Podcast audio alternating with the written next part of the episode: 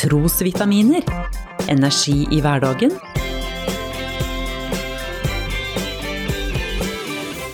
Ved Norea-pastor Svein Anton Hansen. En av eh, ikke altfor mange adventssanger vi har, den heter Gjør døren høy, gjør porten vid. Sangen den har mange vers, men her følger to som sier noe om betydningen av å ha gjort klart et rom i mitt indre for Jesus. Gjør døren høy, riv stengsel ned, i hjertet rom for han bered. Så kommer ærens konge sterk, og fremmer i deg alt Guds verk.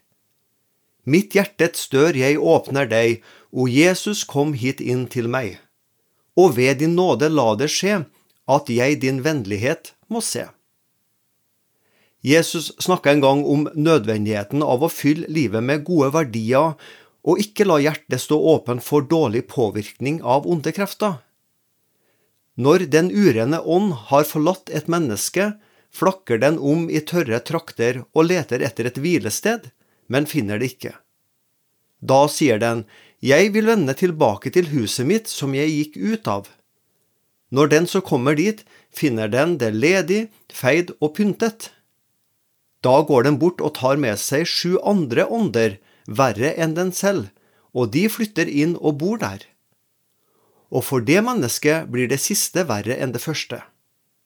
Disse versene finner vi i Matteus 12. Det pågår altså en usynlig og åndelig kamp om ditt liv, om plassen i hjertet ditt.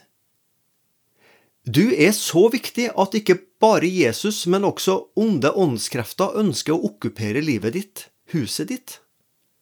Et tomt hus, ledig, feid og pynta, står åpent for både gode og dårlige åndskrefter.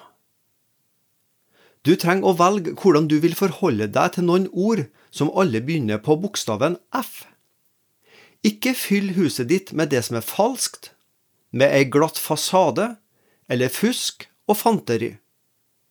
I stedet for falskhet ønsker Gud fakta, altså ærlighet, og i stedet for et fasadeliv lengter han etter fortrolighet fra deg og meg.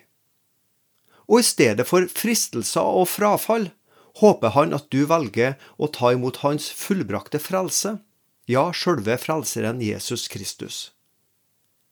Siste verset i adventssangen Gjør døren høy, det går slik. Ja, ved Din Hellige Ånd det gjør, vi daglig åpner deg vår dør, og deg oss kun til frelse vet, velsignet i all evighet. Alle vasker, feier og pynter vi i våre liv. Evangeliet, de gode nyhetene, er at du trenger altså ikke å presentere Gud et ryddig liv før du daglig åpner døra for Jesus. Nei, la Jesus komme inn nettopp i denne adventstida for å rydde opp i syndene dine. Ja, de gode nyhetene forteller meg at det oppryddingsarbeidet, det gjorde han på Golgata kors. En skitten krybbe og et blodig dødens kors, det var ikke for simpelt for himmelens og jordens skaper. Derfor velger jeg å møblere livet mitt både med krybbe, kors og ei tom grav. Du har lyttet til Trosvitaminer med Norea-pastor Svein Anton Hansen.